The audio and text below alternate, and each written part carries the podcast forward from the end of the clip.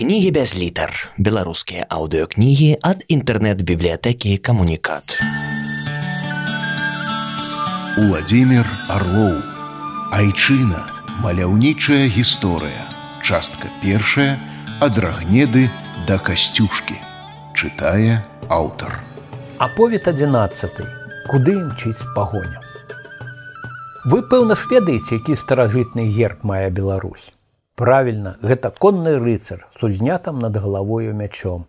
А ці вядома вам што такіх старадаўніх гербаў як наш на свеце не вельмі шмат? Мы беларусы ганарымся тым што нашаму гербу болей за 700 гадоў. Ён узнік неўзабаве пасля таго як утварылася вялікае княства літоўскае. Гэты герб называецца пагоня. Адкуль такая назва? А вось слухайте Багатая беларуская земля здаўна прыцягвала прагныя позіркі чужынцаў. Яны хацелі захапіць Беларусь і часта нападалі на яе. 150 разоў урываліся сюды немцы крыжакі. Каля сотні набегаў зрабілі татара-манголы. Шмат гора прынеслі нашай айчыне войскі расійскіх цароў, якія лютавалі страшней за татараў каб абараніцца і выжыць беларусы якія тады называліся ліцвінамі заўсёды былі на пагатове.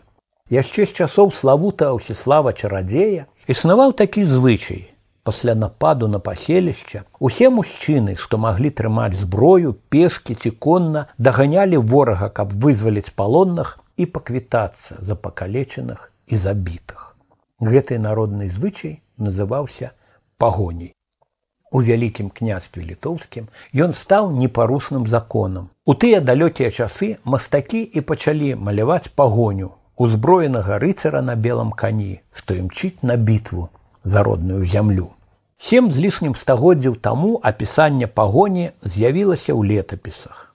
Чалавек дарослый на кані з мячом, які можа абараніць бацькаўшчыну сваю. У левай руцэ вершнік трымаў шчыт. Трохі пазней на шчыце з'явіўся шасці канцовы крыж. Ён быў падобны да крыжа, што некалі зрабіў для асветніцы і ў фрасінні майстар лазар бокса. Крыз гэты беларусы надта шанавалі, а таму у жорсткай сечы ён дадаваў мужнасці слабейшаму. А дужага ваяра рабіў яшчэ мацнейшым.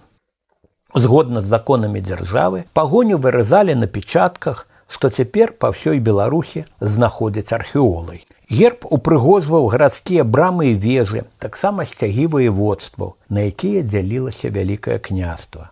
Пагоня была і на гербах некаторых беларускіх гарадоў. Дзяржаўныя гербы заўсёды каляровыя і кожны колер значыць нешта важнае. Герб старажытнай беларускай дзяржавы выглядаў як чырвоны ці дакладней пурпуровы шчыт з белай або срэбнай выявую рыцара.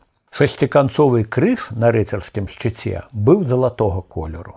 Цяпер паглядзім, што зашыфраваныя ў гэтых колерах, пра што яны нам гавораць. Чырвоны колер нашыя прадзеды ліцвіны лічылі самым высакародным. Ён азначаў агонь, мужнасць, смеласць у бітве.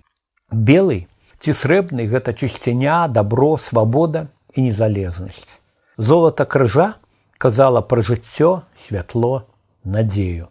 Трэба дадаць, што белы і чырвонай колеры беларусы з пракаветных часоў асабліва любяць. Гэта відаць і ва ўзорах нашых дзівосных ручнікоў і ў даўнейшым народным адзенні, якое, магчыма, яшчэ нахілі вашы бабулі і дзядулі. У беларускіх казках ахілкі едуць бараніць народ ад злыдняў абавязкова на белом кані, што пасецца на запаведных лугах. А цяпер паслухайце, як прыхожа пісаў пра пагоню адзін стары беларускі часопіс. Белы конь гэта вобраз моцы, красы і здатнасці, адраджэння і ўваскрэсення да новага жыцця. Выяка на белом кані азначае мужнасць і перамогу. Белы колер вельмі пашыраны ў Беларусі. Згэтуль, магчыма, паходзіць яе назва белая чыстая вольная як святло сонца а цяпер мы пагаворым пра тое як нарадзіўся беларускі сцяг Спачатку сцяг вялікага княства літоўска быў чырвоны з вышытымі на ім пагоняй і багародзіцаю з маленькім сынам Ісусам. Іншыя еўрапейскія краіны тады таксама мелі сцягі з рознымі складанымі выявамі. Але прыблізна 500 гадоў таму сталі з'яўляцца сцягі больш простыя і зручныя. Найчасцей яны ўтвараліся наступным чынам. Гербавы малюнак, як вядома, змешчаны на шчыце. Дык вось колер малюнка рабілі тады галоўным колерам сцяга, а колер шчыта дадатковым колерам. Рыцар пагоні, як вы ведаеце, быў белый, а шчыт, на якім ён намаляваны, чырвоны.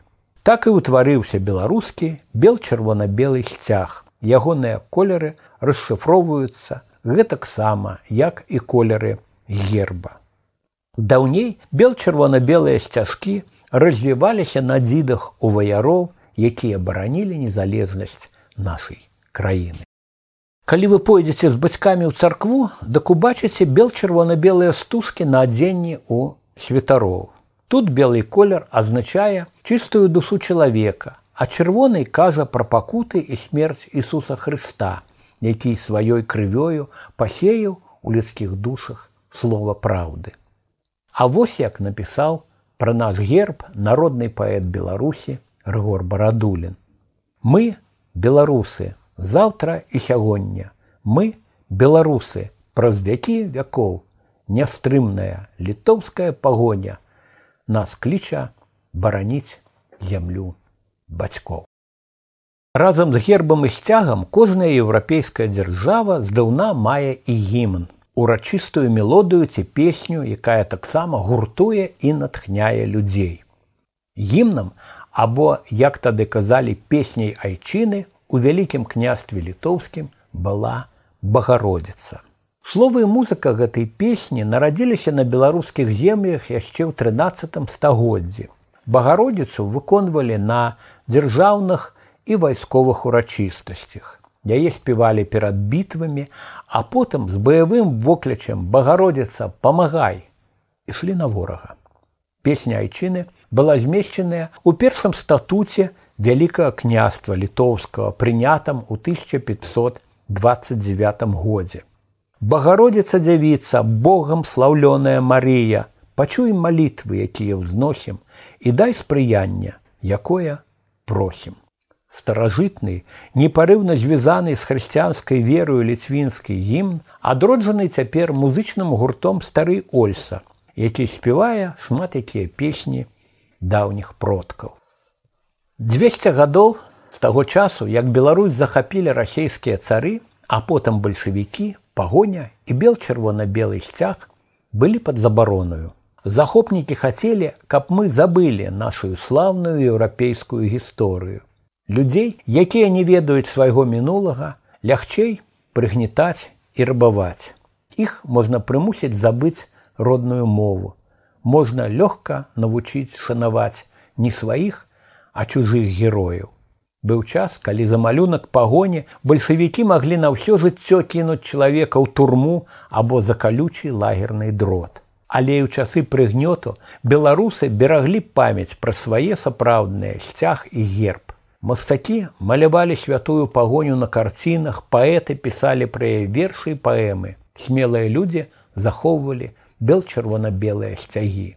У 1991 годзе Беларусь урачыста абвясціла ўсяму свету, што яна вярнула сабе незалежнасць. Пагоня і старажытны бел чырвона-белы сцяг зноў зрабіліся дзяржаўнымі адзнакамі. Па іх Рэспубліку Беларусь адрознівалі, ад іншых краін. Бел чырвона-белыя сцягі вольна залуналі над домам урадаў Менску над кожным беларускім горадам. Нашыя сцягі упрыгожвалі вуліцы ў святочныя дні. Пад імі адбываліся вайсковыя парады. Іх узнімалі ў пасольствах Рэспублікі Беларусь за мяжой на міжнародных спартыўных спаборніцтвах. Даведаўшыся гісторыю старажытнага беларускага сцяга, наступным разам пагаворым, пра атрыманыя пад ім выдатныя перамогі.